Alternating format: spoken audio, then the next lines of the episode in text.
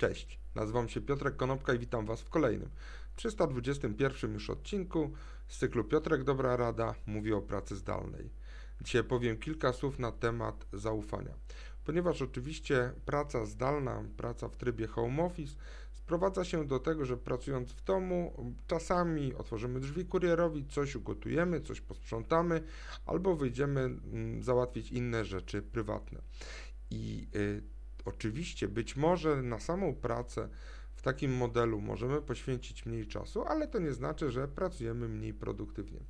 Ostatnio firma Ricoh zrobiła badanie e, pośród 1500 e, menedżerów na e, całym świecie i teraz z tego badania wynika, że 39% zarządzających nie wierzy w to, że podczas pracy zdalnej obowiązki są wykonywane tak samo sumiennie lub tak samo obowiązkowo jak w trakcie pracy stacjonarnej. Oczywiście dru na drugim końcu skali są e, ci szefowie, którzy ufają swoim pracownikom, jest tych szefów 35%, jednak e, wydaje się, że ten odsetek osób, które nie ufają swoim pracownikom, przypomnę, 39% jest dosyć duży.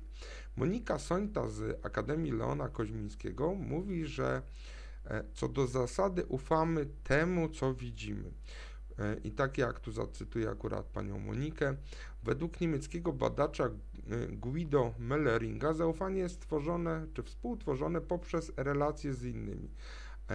Podczas pracy zdalnej te relacje są ograniczone, ponieważ nie widzimy się twarzą w twarz i w związku z tym trudniej nam zaufać takiej osobie właśnie w pracy zdalnej. No i oczywiście ten brak zaufania we wzajemnych relacjach w pracy to jest y, trudność, ponieważ szef, który nie wierzy swojemu pracownikowi, może działać demobilizująco czy y, nawet blokować jego rozwój. Wiadomo również, że e, funkcjonowanie w nowej strukturze, takie wychodzenie poza utarte wieloletnim doświadczeniem schematy jest kłopotliwe dla zarządów i dla y, menedżerów wyższego szczebla. I także dla właścicieli.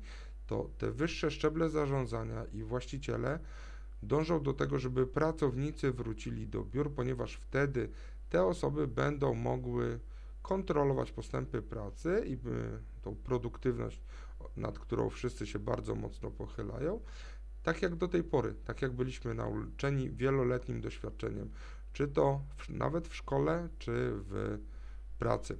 Także y, trzeba zwracać uwagę na to, że ta praca zdalna bez kontaktu twarzą w twarz może spowodować, że zaufanie nie będzie budowane, czyli z mojego punktu widzenia lepiej jak kamerki są włączone niż jak są wyłączone.